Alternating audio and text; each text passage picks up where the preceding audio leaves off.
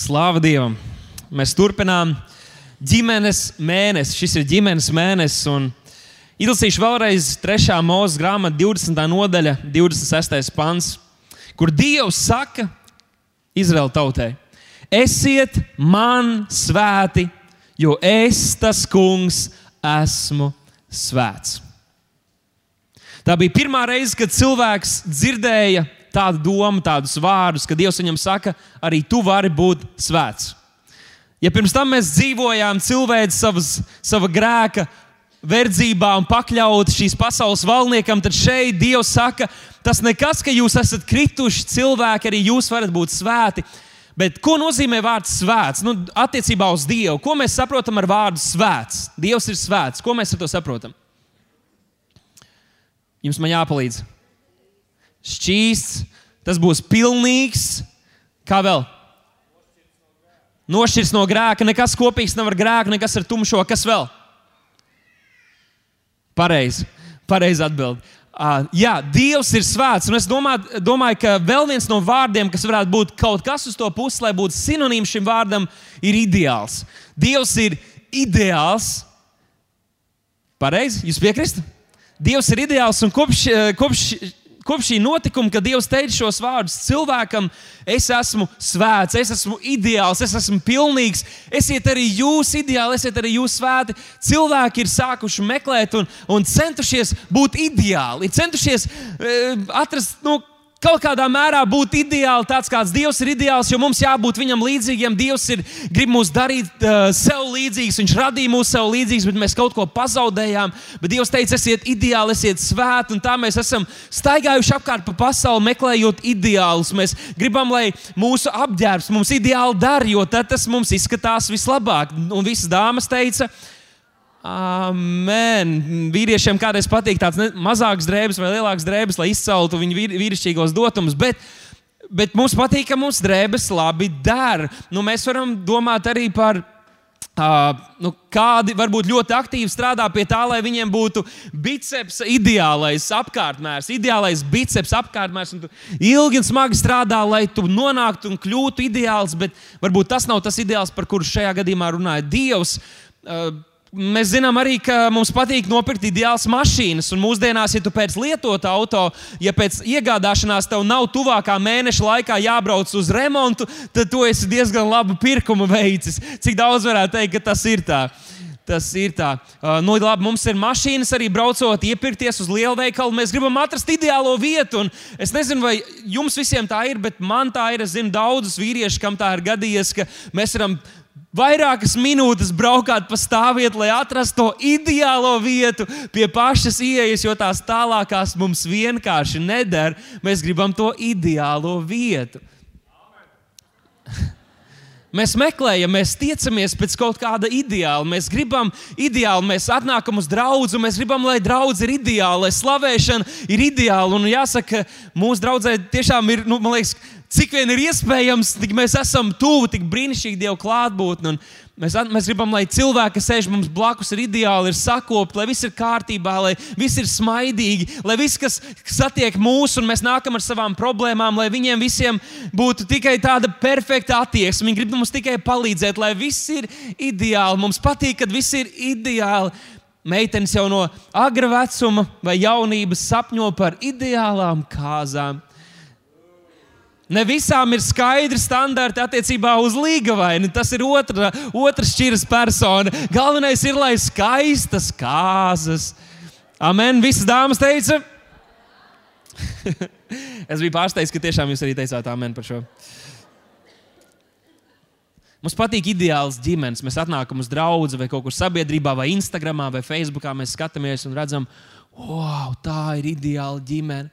Un kādreiz varbūt mēs skatāmies un redzam, kā kāda vecāka kādā noteiktā brīdī tiek galā ar saviem bērniem vai kaut ko izdara tik jauku un tik mīļu. Mēs pie sevis tā iekšēji kļūstam par mazo, mazo dāvidiņu, par mazo Jānīti, par mazo Margaritiņu. Mēs raudam un domājam, ja man bērnībā būtu bijuši tādi vecāki kā šitam puisītim, man dzīve būtu pavisam citādāka. Mums patīk redzēt ideālas lietas. Un uh, šodien, ģimenes mēnesī, Es gribētu runāt par tieši šo tēmu, ideāla ģimene. Pasaki, ideāla ģimene. Ja tev blakus sēž kā ģimene paprasta, vai jūs tie esat? Vai jūs tie esat? Un neatkarīgi no tā, vai tu esi precējies, tas nozīmē, ka izveidojis savu ģimeni, vai tu esi vēl nu, vai, vai neesi precējies, vai varbūt es izvēlējies ar nekad neprecēties. Mēs visi esam kādā ģimenē, Mēs visi esam kādās attiecībās, mums ir brāļi, māsas, mums ir vecāki, mums ir radinieki, mums ir arī draugi, kuri bieži var būt pat tuvāki nekā ģimene ir. Un tādēļ es ticu, ka šis, par ko mēs šodien runāsim, mums visiem būs noderīgs un būs par svētību un par celšanu, bet nedaudz padomāsim par ideālu. Kas ir šis ideāls? Nu, ideāl, uh, ideāls um, šī skaidrojums ir tāds, tā ir pilnība un cildens paraugs cildens paraugs, kāds, kam mēs gribam līdzināties. Ideāls, mūsu ideāls ir kāds, kam mēs gribam līdzināties. Un šī te teorija par cilvēku attīstību ir tāda, ka mums visiem vajag kādus, uz ko mēs skatāmies, kā uz tiem par, par šo savu paraugu vai ideālu, lai mēs tiektos uh, tajā virzienā, kur kādi jau to ir sasnieguši. Un, ja mēs tā padomājam, tad mēs jau katrs arī gribētu būt tas ideāls, gribētu būt tas paraugs. Un daudz teiktu, nē, nē, nē, man pietiek ar to, kas es esmu. Bet visi jau mēs kaut kā iekšēji mazliet gribētu, lai, lai mums viss ir labi, lai, lai mums viss izdodas. Un lai citi skatās mums un domā, wow, nu viņiem ir tik forši, mēs arī gribētu darīt tā kā viņiem. Bet nevienmēr mums tā sanāk, nevienmēr mēs esam tie ideāli, pēc kuriem mēs tik ļoti tiecamies. Bet otrais aspekts šim vārdam ideāls ir tas, ka mēs bieži idealizējam. Mēs idealizējam citus. Idealizēt nozīmē, vai tas ir domāšanas akts, kas saistīts ar abstraktu objektu veidošanu, kuri principā nav realizējami. Ne dzīvē, ne eksperimentos tas vienkārši nav iespējams. Kad mēs idealizējam, mēs uzstādām savā domās kaut kādus standartus, kurus vienkārši nav iespējams sasniegt. Es redzu, ka jūs esat mazliet uh, šokēti, kā es to atļaujos teikt. Mēs tomēr esam baznīcā un mums visiem viss ir ideāli. Bet kādreiz arī mēs idealizējam. Mēs idealizējam citus cilvēkus. Ir sadarbināšanās laikā vai draudzības laikā mēs idealizējam otru šo mūsu otru personu, un mēs domājam, tās laikam tās rozā brilles, un ah, nu viņam tik viss tik labi, viņš tik ideāls, mums tik labi saskan. Un tad jūs apprecāties, un pēc brīža jūs saprotat, wow! Tā īsti nav patiesība. Mēs mazliet bijām savā domās kaut kur aizceļojuši. Mēs idealizējam arī kalpotājus, mēs idealizējam mācītājus, mēs idealizējam, mēs domājam, ka viņi jau vispār, zināmā mērā, mācītāji piedzimst jau ar uzvalciņu. Un, un, un, un, Viņiem jau nav nekādas problēmas, viņiem nav nekādas iekšējās cīņas, lai gan Pāvils teica, sevi aizliedz sevi ikdienas. Nē, nē, nē. Un tad, kad mēs redzam, ka viņi arī tomēr ir cilvēki, mums ir tāda iekšēji smaga vilšanās. Jo taču viņu dzīves, vai nu, kalpotāji, vai kādu citu cilvēku, kurus mēs idealizējam, tas, kā viņi dzīvo, neatbilst mūsu kaut kādai ilūzijai, iedomām par to, kā jāizskatās viņu dzīvē. Nu, līdzīgi mēs idealizējam arī Bībeles varoņus. Mēs Bībeles varoņus, Bībeles stāstus, mēs kādreiz visu izdarām tik ideāli, un kad mēs skatāmies kādus māksliniekus, kas ir, kas ir centušies attēlot šīs Bībeles ainas un varoņus, viņi taču vienmēr ir tik ideāli. Nu, ļoti reti, kad kāds attēlo viņus nepilnīgus pēc tā, vismaz kā mēs to saprotam. Un es gribētu, lai mēs apskatām divas ģimenes, lai mēs apskatām divas varoņus Bībelē un padomājam par to ainu, to sižetu, kādā viņi atrodas. Un varbūt paskatīsimies uz to pusi, kuru tik bieži mēs neuzsveram. Nu, pirmais ir Ādams. Tas ir pirmais Ādams, pirmais cilvēks, kur Dievs radīja ideālā dārzā. Dievs to radīja un teica, tas ir ideāls, tas ir labs, man ļoti patīk. Tad viņš radīja vīrieti un teica, kaut kas te nav. Un tad viņš rada viņam arī sievu, un tad atkal viss ir labi. Dievs to redz labu asam, bet ideāls lietas neilgi saglabājas ideāls. Piemēram, ja, ja tu atradīsi ideālu draugu, tad, tad, kad tu tai pievienosies, tā vairs nav ideāla. Un kaut kas līdzīgs notika arī šeit ar Ādamu un Ievu. Viss bija ideāli, un brīdī, kad Dievs saka, tas tagad ir ideāli, kaut kas vairs nav ideāli. Kaut kas vairs nav ideāli. Nu, padomāsim par šo. Es iedevu Ādams un Ieva aboliņu. Visdrīzāk viņi bija aboliņi, jo, jo nu, pēc asociācijām kaut kas bija jāatrod, un viņiem bija nu, saistības ar kaut kādu augli. Ādams un Ieva aboliņu. Viena no tādām lietām, kuras redz mīnus viņa dzīvē, ir tā, ka nu, jo mēs kļūstam vecāki, jo vairāk mums patīk gremdēties mūsu bērnības atmiņās. Tā ir vai ne? Es arī runāju ar vairākiem sirmgalviem, tad viņiem ļoti spilgti, jo, jo vecāki viņi paliek, jūs paliekat, jo, jo spilgtāks, varbūt ne visiem tas tā ir, bet jo spilgtāks ir tās jaunībā piedzīvotais. Un, un daudz ko jūs atceraties, tas ir brīnišķīgi, man patīk klausīties, un tik daudz ko no tā var mācīties. Bet Ādamam un Ievai nebija tādas bērnības atmiņas. Nebija tādas bērnības atmiņas, nebija tāda brīža, kad, kad kāds tēvs un mamma viņus būtu paņēmis rokās un samīlējis un sabučojis. Viņam nebija bērnības atmiņa. Tas bija kaut kas, kas viņiem bija laupīts. Nu, mēs domājam, viņiem nebija arī vecāku. Mēs domājam par, par viņu izskatu, un mēs redzam tos attēlus. Ādams, protams, ir ar, ar, ar, ar, ar bērnu sulas sešpaku rokās, un, un viņam pašam ir sešpaka, un viņš ir tik labā fiziskā formā, un tā vajadzētu būt. Taču Dievs viņus radīja ideālus, bet Dievs arī viņiem deva uzdevumu. Ādamam, augļojieties, vairojieties, piepildiet zemi, ja, sargājiet šo zemi. Nu, mēs redzam, ka Ādams nebija pārāk aktīvs tajā laikā ar augļošanos un vairošanos. Nu, viņam nebija vēl bērni līdz brīdim, kad viņi krita grēkā. Nu, viņš arī pārāk labi nesargāja dārzu. Ja mēs redzam, ka brīdī, kad ienaidnieks atnāk un kārdina viņa sievu, viņš ir vairāk aizņemts ar bezmaksas ēdienu, kas ir visapkārt. Un mēs arī tā kādreiz jūtamies, mums ir kaut kāda uzdevuma, kaut kādas lietas, kas mums ir jādara, bet bezmaksas paika, un mēs gribam iet kaut ko papildus lietas, kas novērš mūsu uzmanību, ka mēs aizmirstam par mūsu sākotnējo uzdevumu. Un varbūt, kad Ādams tiešām sākotnēji bija radīts ideāls, viņš pavisam noteikti tāds bija, bet nav teikts, ka viņš pēc tam rīkojās pareizā veidā. Un es pieņemu, ka, ja viņš nedarīja to, ko Dievs viņam bija pavēlējis, viņš pārsvarā sēdēja un ēda tikai bezmaksas ēdienu, tad iespējams, ka viņš nebija tik labā fiziskā formā, kā mēs visi iedomājamies. Kādam varbūt tas ir tāds ļoti uh, smags brīdis un doma, ko sagremot, bet varbūt viss tur nenotika tik ideāli. Un varbūt tieši tam dēļ tas lāsts vai sots, kas nāca pār viņa dzīvi, bija tas, ka viņam būs smagi jāstrādā, lai tiktu pie ēdiena. Jo pirms tam viņš visu baudīja bez maksas, un tas viņam nenāca par labu. Ādamam un Ievai arī nebija nekādi jauno vecāku kursi vai jaunlaulāto kursu, kurus viņas varētu apmeklēt un mācīties, kā strādāt pie savām attiecībām. Kā jau mācītāja Līga teica, viņiem bija jāmācās procesā. Jāmācās procesā, un, un no tā viņu pieredzes mēs redzam, ka viņi nebija arī tādi labi studenti, kas būtu gatavi arī un daudz ko prasīt savam debestāvam, kas bija viņam līdzās. Viņi pieļāva kļūdas. Mēs redzam, viņu bērni, tie ir pirmie bērni, kāda dzima pasaules vēsturē. Ābels un Kains vecākais dēls nokauj jaunāko. Un tas pat nebija tādēļ, ka viņš bija kaut kā emocionāli aizskrits, tas bija reliģisku iemeslu dēļ, tādēļ, ka viņa jaunākā brāļa upuri debesu tēvs pieņēma. Un viņi nokauja viens otru, un skatāmies, šai bija jābūt ideālai ģimenei. Bet tur nekā nebija ideāla. un, un te, kad mēs lasām šo stāstu par Kainu un Ābelu, tad mēs tā domājam ar sievu parasti nu, mums jau tie ir labi klājas. Mēs jau reiz negribējām viens otru nom, nomašīt. Salīdzinot ar pirmo ģimeni, mums tiešām labi klājas. Nē, esam ideāli, bet nu, esam virz, vir, virzam, virzamies īstajā virzienā.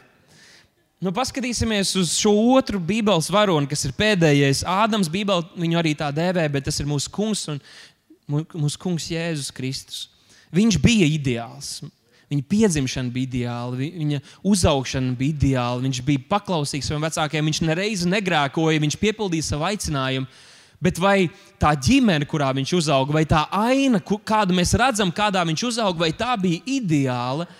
Un es šodien gribētu teikt, arī nē. Nu, viena no tādām lietām, ar kuru es esmu sācis vairāk pētīt un lepoties, un tie ir mani raduraksti.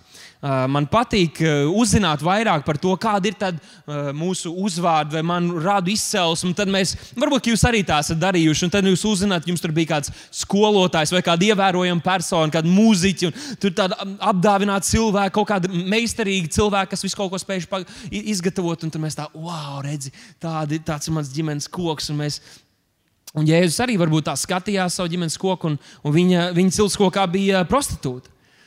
Rahāba.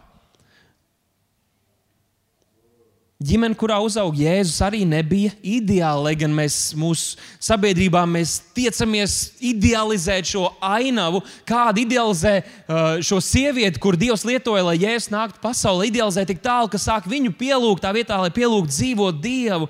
Nu, Pastīsimies kādas no tādām uh, vājajām vai, vai, vai uh, nepilnīgajām. Uh, lietām šajā ģimenē. Nu, pirmkārt, eh, tad, kad sieva ir stāvoklī, tad eh, vīram ir arī jānes sava atbildība. Un šajā gadījumā Jāzeps viņš izdomāja, ka viņam ir jādodas ceļā, bet viņš nebija nobukojis viesnīcu, viņš nebija nobukojis kaut kur, kur palikt. Un Es nezinu, kā sievas ir kā ar jūsu vīriem, vai jū, viņi tiek galā, bet, kad mēs ar sievu kaut kur dodamies, es laicīgi esmu izplānojis, kur mēs paliksim, ko mēs darīsim.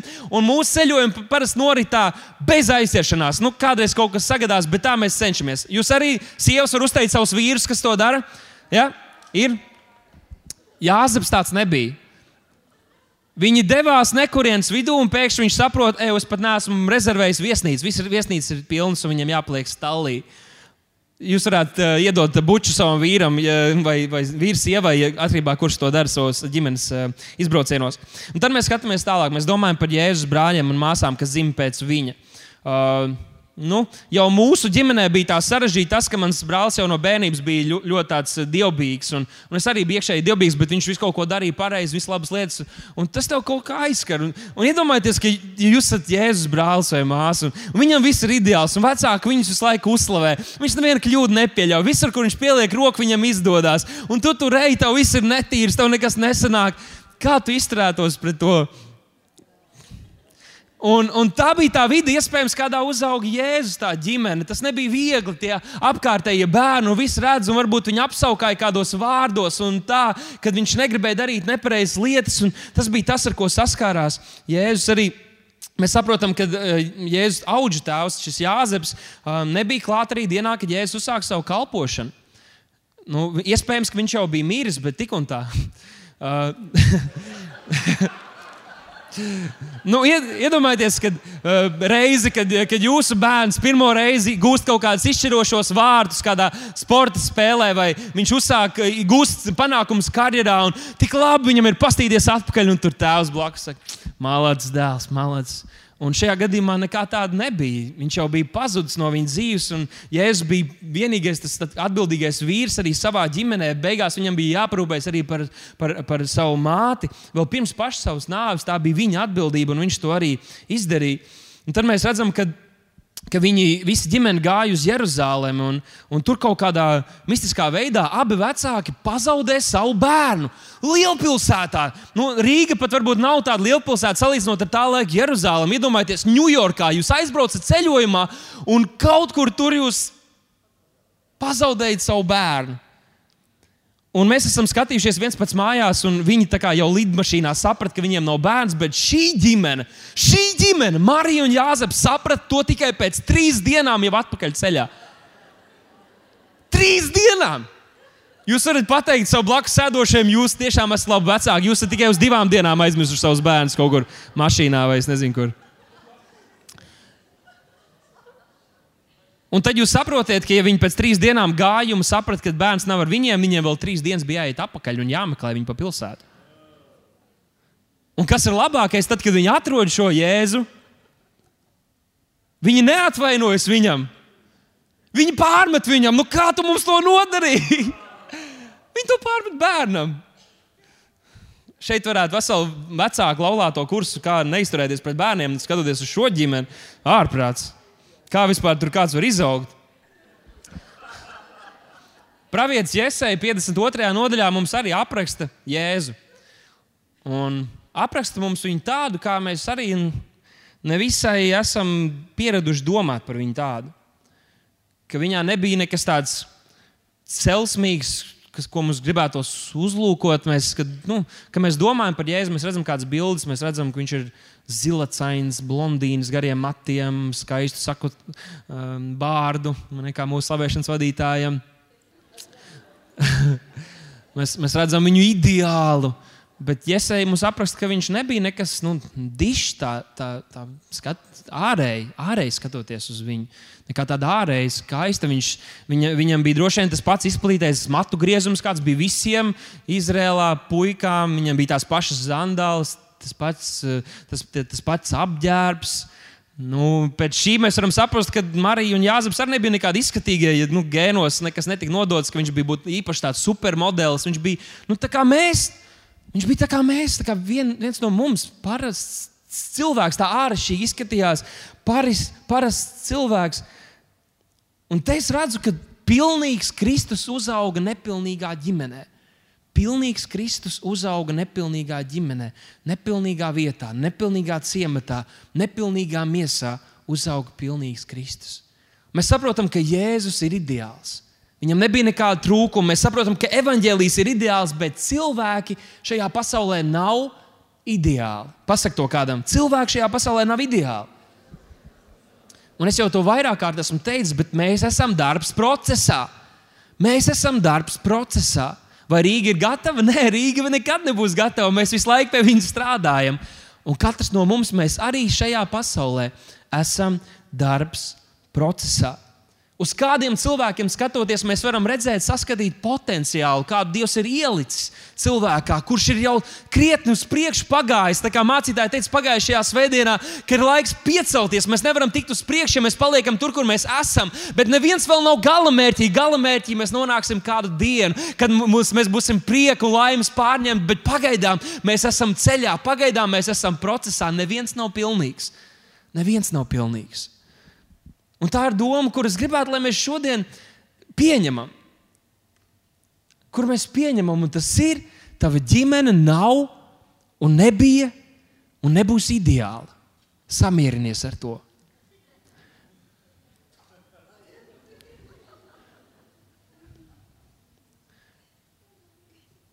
Es ticu, ka, ka šī atziņa dod mums brīvību. Jo mēs varam lasīt Bībeli, mēs varam redzēt kādu cilvēku spilgtos mirkļus, redzēt kādus labus momentus no citu cilvēku ģimeņu dzīvēm un domāt, pats, bet mums nav tā. Bet neviena ģimene nav ideāla. Arī tava ģimene, tavi brāļi, tavas māsas. Mēs tik ļoti gribētu, lai mūsu vecāki, vai mēs kā vecāki, lai mums viss ideāli sanāk, bet tā nebūs. Manai meitiņai vēl nav gads, un es jau esmu tik daudz reizes sevi vīlies. Es saprotu, ka man ir rītīgi jāpieliek, ka man būs daudz jāstrādā ar sevi. Mēs, grib, mēs varētu gribēt, lai mūsu brāļi, mūsu māsas būtu ideāli un izdarītu visu ideāli, lai mēs labāk justos par sevi un lai mēs varētu piepildīt savus sapņus. Bet tāpat kā tu neesi ideāls, tavs brāļi un māsa arī nebūs ideāli, un mēs nevaram to sagaidīt. Mēs dzīvojam nepilnīgā pasaulē, un cilvēki mums apkārt, arī tie mīļie, nebūs pilnīgi un nebūs ideāli. Ir tāds raidījums, gandrīz ideāls vakariņas. Un tas mums arī dod tādu mācību, ka šajā pasaulē nekas nav ideāls. Nekas nav ideāls. Tāpēc ir gandrīz ideāls vakariņas.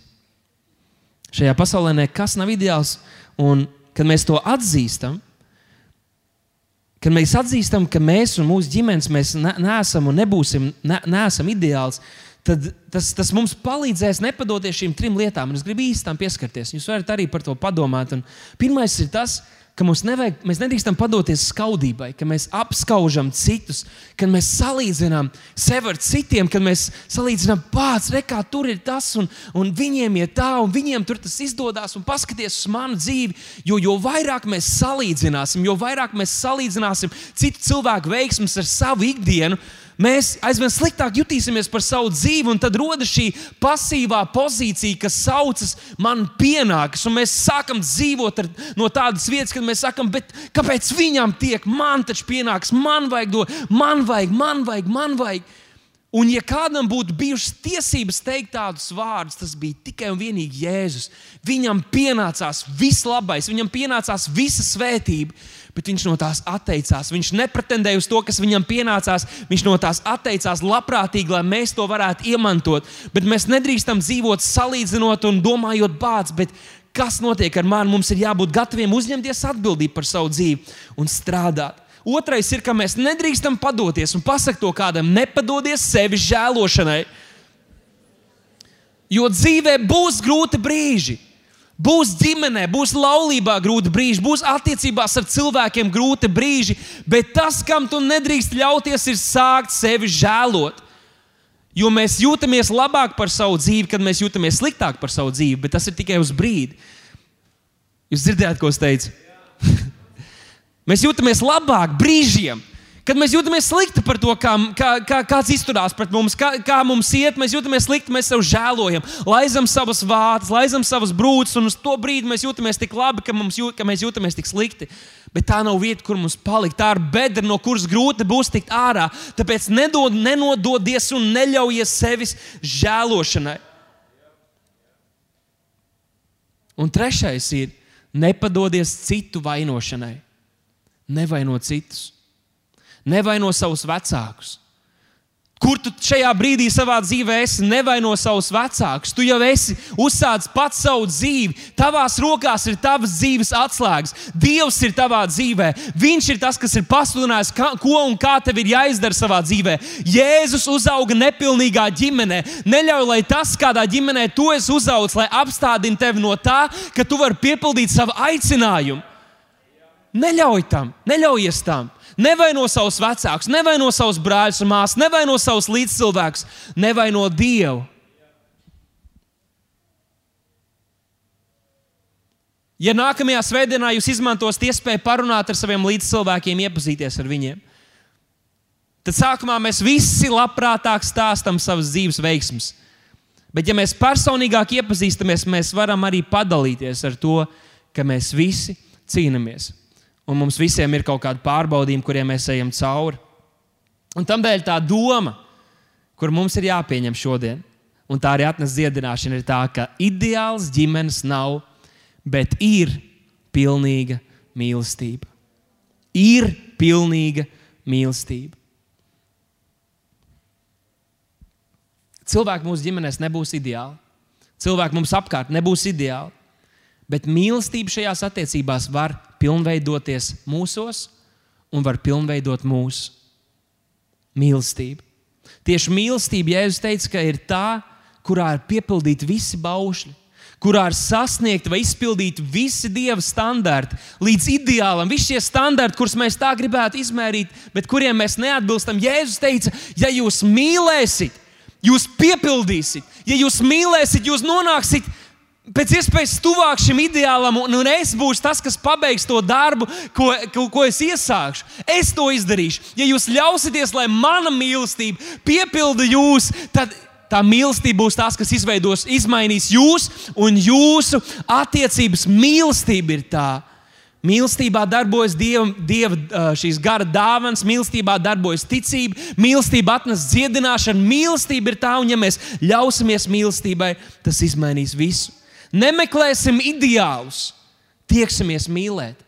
Tieksimies mīlēt Dievu un savus līdzcilvēkus. Varbūt mums apkārt ir cilvēki, un ir tādi cilvēki, un mēs bieži reaģējam emocionāli, uztverot e, e personīgi to, kā kādi cilvēki rīkojas. Bet es esmu domājis, tagad, kad man ir meitiņa, mēs kā vecāki cenšamies no visas sirds darīt visu pareizi, lai tas bērns justos mīlēts, lai, lai, viņi, lai viņi labi justos par to, kas viņiem jādara, bet lai viņi būtu arī disciplinēti. Bet arī es esmu redzējis daudz ģimenes, un daudz no jums iespējams esat uzauguši tādās ģimenēs, kas ir alkoholiķu ģimenes, kur ir, kur ir vardarbība ģimenēs notikuši, ir, ir, ir, ir, ir bērni, ir daudz no jums, kur savas dzīves laikā nekad nebijāt dzirdējuši vārdus no saviem vecākiem: Es tevi mīlu.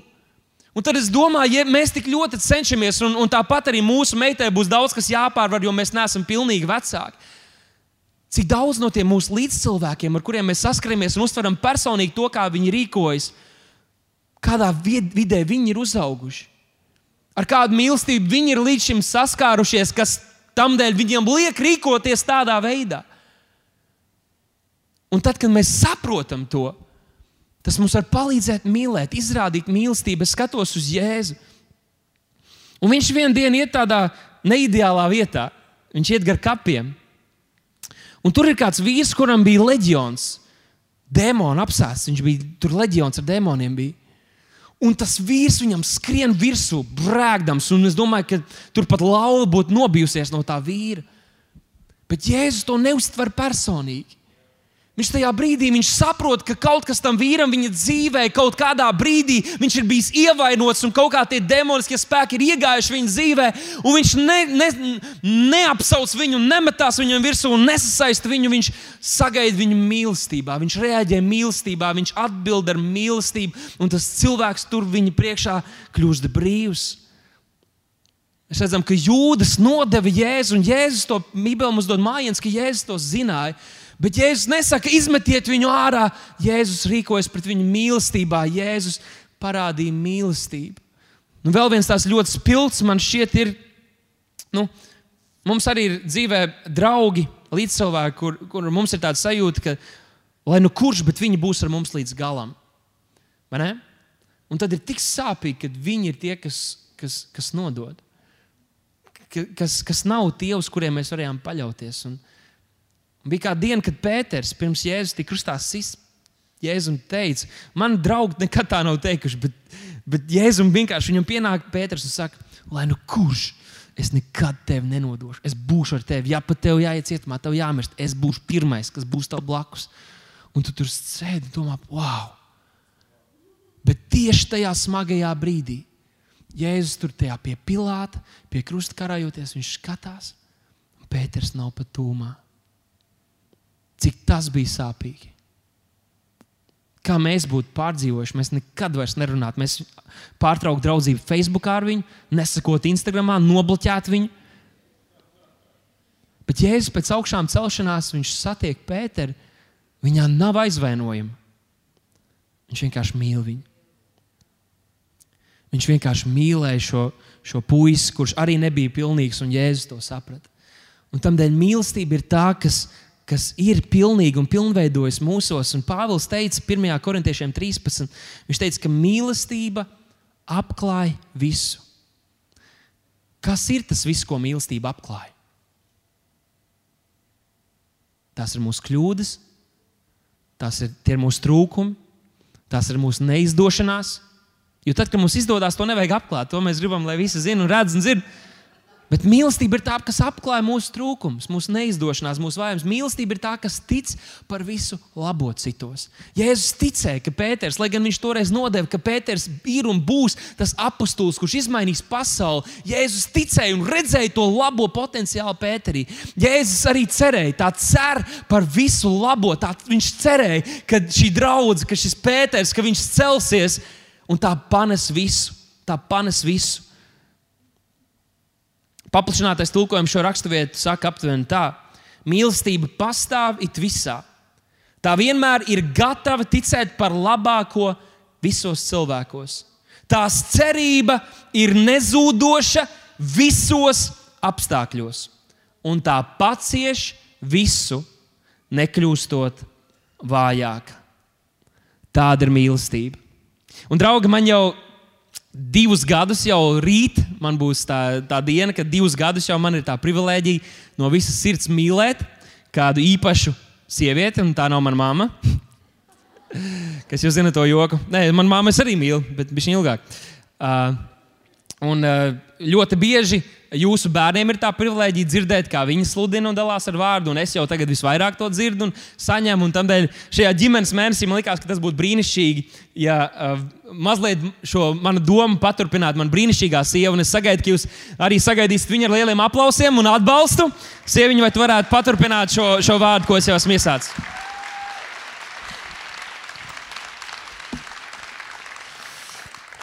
Uh, ārprātīgi grūti runāt pēc sava mīļākā sludinātāja.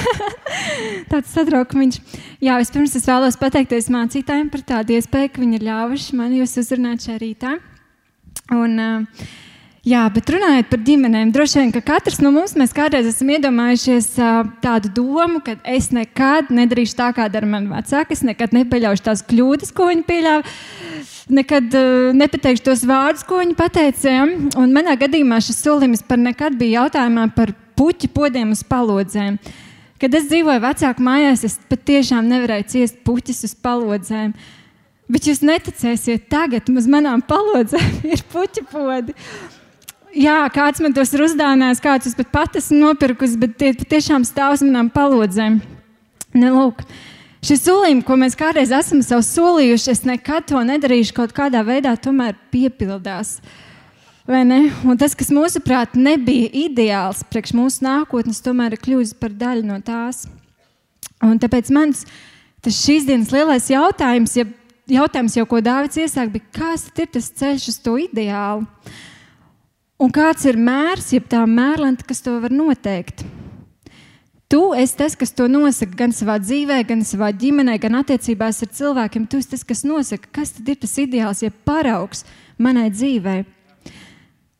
Un e, ir tādas trīs domas, par kurām es šodien vēlos runāt. Un pirmā no tām ir izlemt, kas ir tavs ideāls, jeb izlemt, kas ir tavs paraugs. Un piedāvājumā ir tikai divas iespējas. Bībele patiesībā mums piedāvā tikai divas iespējas. Pirmā no tām ir pasaules paraugs, pasaule kā mērs.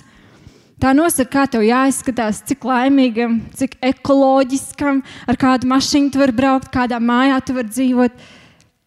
Tie nosaka, kā, cik bērnus tu drīkst piedzemdēt un kādā vecumā, lai vēl paspētu karjeru izveidot, vai ne?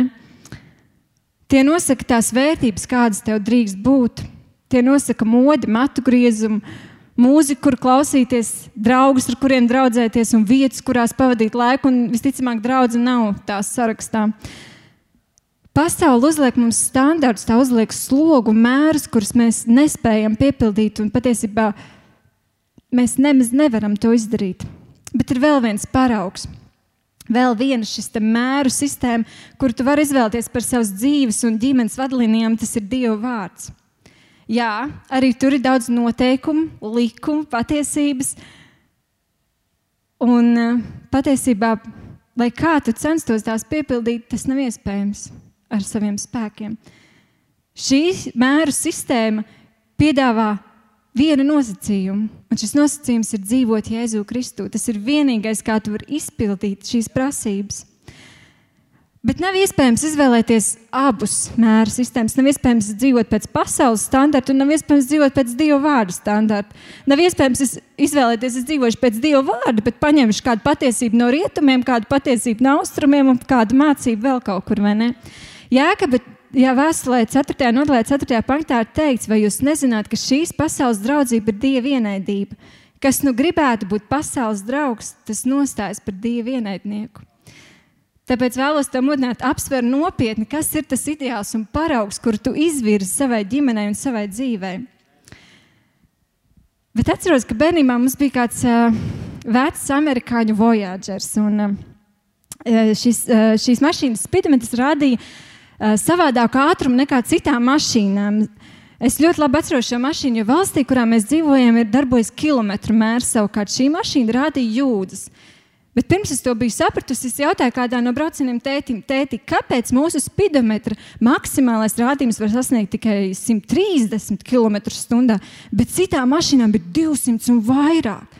Un tad man teica, paskaidroja, mēs šobrīd pa šosei braucam ar 100 km/h, bet mūsu spidometrs rāda 62 jūdzes stundā.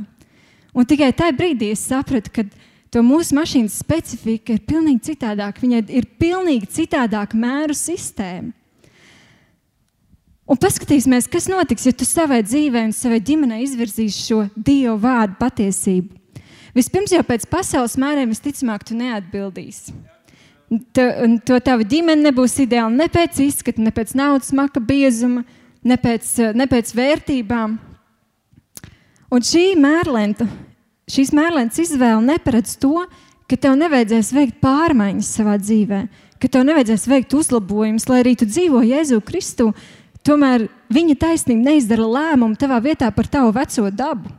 Par to, par tavu, jā, par tavu veco dabu. Un droši vien, ja esi dzīvojis pāris gadus uh, viens pats, tu nesaskati tieši nevienu savas vecās dabas problēmu. Ne? Bet, ja tu esi dzīvojis ģimenē, tad tu ļoti labi redzi, kādas visiem citiem ir problēmas, un pakluso atzīst, ka tev arī ir vismaz viena, vai ne? Un tāpēc šis nākamais solis, jeb nākamā doma, par ko vēlos runāt, ir identificēt nepilnības. Un droši vien, ja īpaši ja tiem, kas ir dzīvojuši daudz bērnu ģimenēs, ir ļoti viegli identificēt problēmas. Un īpaši, ja viņi ir dzīvojuši vēl ar kādu vienā istabā. Ja?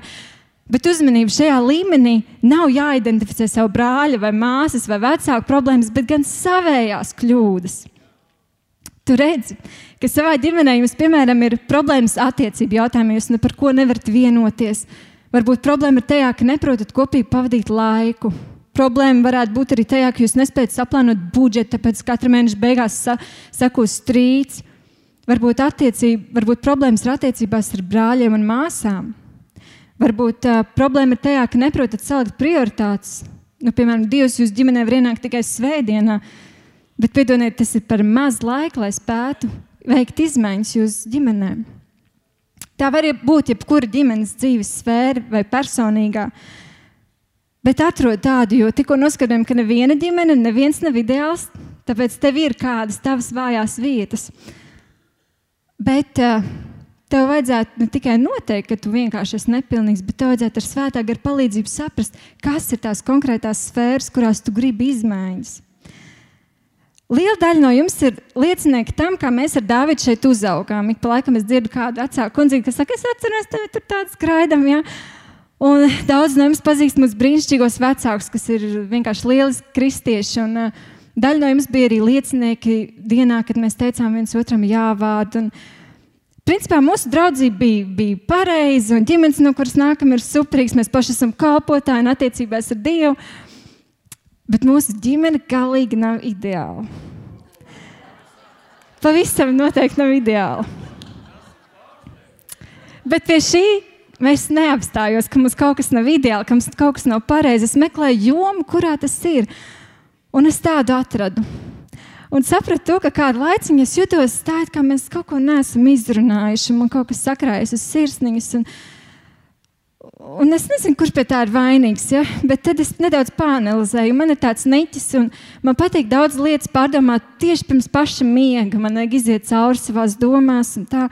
Un sanāk ar jautājumu, par kuriem es iedomājos tikai tad, kad mēs jau, mēs jau guļam gandrīz vai. Un, un tas ir tas īstais brīdis, kad, kad to savas dziļās sirds klāstīšanu es izvēlos veikt Dāvidam, tad, kad viņš jau ir tajā pirmsmiega mierā. Un tad kādreiz viņš man paskaidroja, ka vīriešiem esot kastītes galvā, tādas kastītes. Un kad viena no tādām ir kastīte, kurā neko nedomā, un pirms miega viņš atrodas tajā. Un es sapratu, ka laiks sarunām ir jāatrod pirms pulkstenes 11. Jā, nu redziet, vienmēr sakot, es identificēju problēmu, ka mums ir kaut kāda problēma. Nu, principā problēma tā kā ir tā manējā, vai ne? Bet nākamais jautājums, vai es esmu gatava to labot? Vai es esmu gatava strādāt pie tā? Es varu kļūt par tikai par tādu problēmu identificētāju savā ģimenē, kas, kas tikai atrod, kur ir problēmas. Bet tas nav ceļš, kas mūs savieno. Tāpēc seko šis trešais praktiskais solis, un tas ir veids, veikt labojumus. Tas ir, kad mēs nesamierinamies ar kaut kādām problēmām, kas ir mūsu ģimenē, mūsu attiecībās ar brāļiem, māsām. Tas varētu arī nozīmēt, lai mēs risinām tās problēmas. Tava ģimene nav un nebūs ideāli samierinājusi ar to. Mums jāsaprot un jāpieņem, ka ideāli mēs nebūsim vismaz kamēr mēs dzīvojam uz šīs zemes, bet tas nevar mūs apturēt ceļā uz izaugsmu. Um, 2. korintiešiem 13. un 11. pantā vēstules autors dod dažādus kā, nu, norādījumus vai novēlējumus, ko mums vajadzētu. Viņš tur beidzot brāli, iesiet līksmi, topiet pilnīgi, iepriecināties un tā, tā, tā. Un viņš saka, topiet pilnīgi. Topiet pilnīgi. Un man radās tāds jautājums, kā gan šis vēstules autors var teikt, lai mēs topam pilnīgi, ja viņš zina, ka mēs nu, neesam pilnīgi, mēs nevaram būt pilnīgi. Bet, ziniet, viņš to neteiktu, ja Jēzu Kristu tas nebūtu iespējams. Tāpēc seko šis trešais solis, pārmaiņas solis, kad labojam, risinam un mainām savas dzīves. Atceros laiku, kad, mēs, kad es dzīvoju pie saviem vecākiem, un mums bija daudz lietas, kas ik pa laikam salūza, kaut kas bija jāsaramantē, kas bija jārada no jauna un jālabo. Patiesībā tas bija tīras, sadzīviskas, praktiskas lietas. Un parasti mēs visu nedēļu gaidījām sestdienu, kad tēvs būs mājās, un tagad mēs to darīsim visi. Īpaši, kad mēs bijām mazi. Bet eh, tā patiešām ir. Ja tam putekļu jucējam ir jānomaina filtrs, tad diez vai tāda ticība un apliecināšana būs tā, kas šajā situācijā būs noderīgās. Vai ne? Tev vienkārši jāķeras klāt. Tāpēc vienkārši ķeries klāt. Otrā lieta, kas ir, ir lietas, kuras mēs nevaram atrisināt savā spēkā, kur mums ir vajadzīga tāda garīga cīņa, kad mums jānostājas ticībā par savu ģimeni, jāpaņem vārds savā rokā kā zobens un jāpārņem kontroli pār situāciju, kurā vēlams vienkārši sācis šiverēties tavā ģimenē, tavās attiecībās. Un manā bērnībā bija laiks, kad es ļoti, mēs ļoti daudz strīdējāmies ar vienu no manām māsām. Un kaut kā, kaut kā es savā prātā biju iedomājies, ka es izaugšu liela, un tie strīdi vienkārši beigsies. Viņi, nu, mani vecāki, mana mamma teica, taču nestrīdas ar saviem brāļiem un māsām. Bet tad kādā sarunā manā mamma pateica vārdus, kas man vienkārši tā kā bišķīgi lika satraukties. Viņa teica, manā bērnībā un jaunībā mūsu attiecības māsām bija vienkārši briesmīgas līdz mūsu dzīvēs ienāca Jēzus. Un viņa saprata, ka viņai bija vajadzīgs izmaiņas šajās attiecībās. Strīdi nebeidzas paši par sevi, ir jānotiek pārmaiņām cilvēkos. Un, kad es jau biju pusauģis vecumā, es sapratu, ka šie strīdi aug līdz ar mums. Man nebija gudrības, kā lai es tieku galā ar to, kā, lai, kā, kā, kā es praktiski varētu atrisināt šo situāciju Man ne, patiešām nebija tam gudrības, bet vienu gan es zināju, lai nu par ko, bet par šo es patiešām varu nākt debes tēvu priekšā un lūgt par to. Protams, ka vienas lūkšanas, pēc vienas lūkšanas viss nemainījās.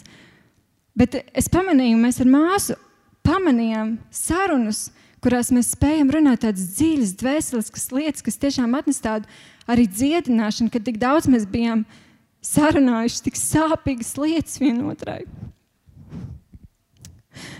Un es esmu tik pateicīga Dievam, ka Viņš dod gudrību arī tam sarunām, kurās tiešām atnāk tā dziedināšana. Un es ticu, ka, ka jā, mums ir vajadzīgs laiks, bet tā lūkšana un tā ticība ir tas, kas tiešām var atnest izmaiņas. Bet ir arī vēl kādas lietas mūsu, mūsu dzīvēm, un tās ir lietas, kurās mums vienkārši trūkst padomu vai vienkārši trūkst iedvesmas. Un man kādreiz tas tā ir ar vakariņām, ka man trūkst idejas, ko lai es pagatavoju. Parasti es paskatos kādu recepti, vai ne? Bet uh, ir arī manas dzīves sfēras, kurās es zinu, kad, uh, kad pieredze ir kādam no mūsu draugiem. Šeit mums ir izcili daudz māmiņas, kurām ir ļoti daudz pieredzes dažādās jomās. Es zinu, kas ir pietur pie Ingas, kas ir pietur pie vēl kāda, vai ne? Un viņš ir eksperts šajā jautājumā. Mūsu draudzē ir arī ģimenes, kuras ir gatavas dalīties nevis tikai tajā skaistajā savas dzīves pusē, bet arī tajās kļūdās, tajos kritumos, kur viņi bija tajās bīstamajās zonās. Tad, kad mēs ar Dāvidu precējāmies, un pirms tam mēs sapratām, ka mēs gribēsim sev apkārt tādas ģimenes, no kurām mēs gribam mācīties, kuras man, mums var būt par, par paraugu, par iedrošinājumu, bet tā pašā laikā mēs sapratām, mēs gribam arī kādus, kuriem mēs kalpojam. Un, ja mēs paskatāmies apkārt, kas mēs šeit sēžam, tad mēs varam ieraudzīt, kāds ir speciāls politikas jautājumos, kāds ir banķīrs, kāds ir, kādam ir baigās stratēģijas vara nomešanā, un kādam ir, kād, kāds ir vienkārši lielisks ideju autors tam, kā audzināt bērnus, kā pavadīt laiku kopā. Un, ziniet, tas ir tik vērtīgi, ja mēs izmantojam tos draugus resursus, kas mums ir, tos cilvēku resursus, kas mums ir. Un šeit neviens nav ideāls un pilnīgs visās dzīves jomās.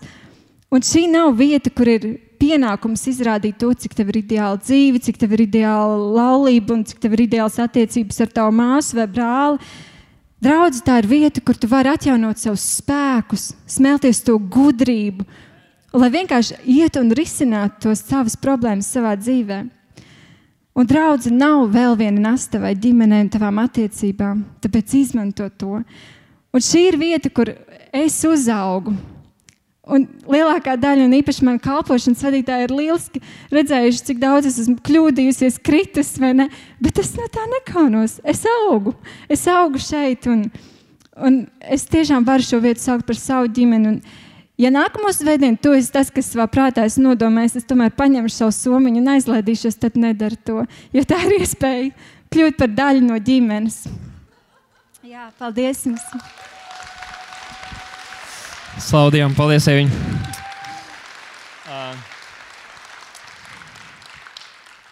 Kā jau teicu, mīlestība ir tā, kas mums visiem ir vajadzīga, un mīlestībā mums ir jāaug. Un, Un saliekot kopā to, ko mēs šodien tā vēstījām, ko mēs saņēmām paši priekš sevis arī, bet es ticu, ka tā uzrunā daudzus. Pirmais ir tas, ka mums jāsamierinās ar to, ka nu, mēs neesam pilnīgi. Un neviens nav pilnīgs, bet mums arī nebūs tā, ka viss izdosies tik vienkārši. Bet mēs varam strādāt ar sevi. Mēs esam aicināti, jo Dievs ir nolēmis mūs darīt līdzīgus sev. Mēs esam darbs procesā, tādēļ mēs gribam Tādēļ mēs gribam identificēt savas kļūdas, atrast tos standartus. Un kas ir mūsu standarts? Ir Jēzus, ir Dieva vārds, ir daudzi, kas mums ir gājuši pa priekšu. Arī Pāvils teica, sekojiet man, kā es sekoju Kristum. Ir tik daudzi, kas mums ir gājuši pa priekšu, no kuriem mēs varam mācīties. Bet pāri visam tas ir Jēzus un Dieva vārds, kas ir mūsu standarts.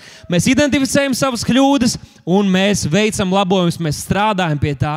Un tādēļ, ja mēs varētu visi piecelties kājās, varbūt, ja mūsu vidū ir kāds ģimenes, un jūs šis vārds ir uzrunājis, un es zinu, ka šī nebija nekāda raķeša raķešu zinātne.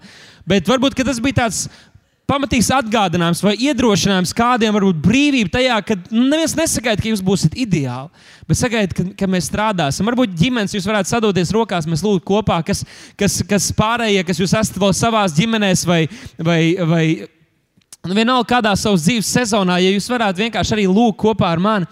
Uh, Jo Pāvils, Pāvils rakstīja, mīlestība ir tā, kas apklāja visu tā tic par visu, labo tā cer par visu, labo cilvēkos, tā panes visu. Un tās mēs lūdzam šajā rītā.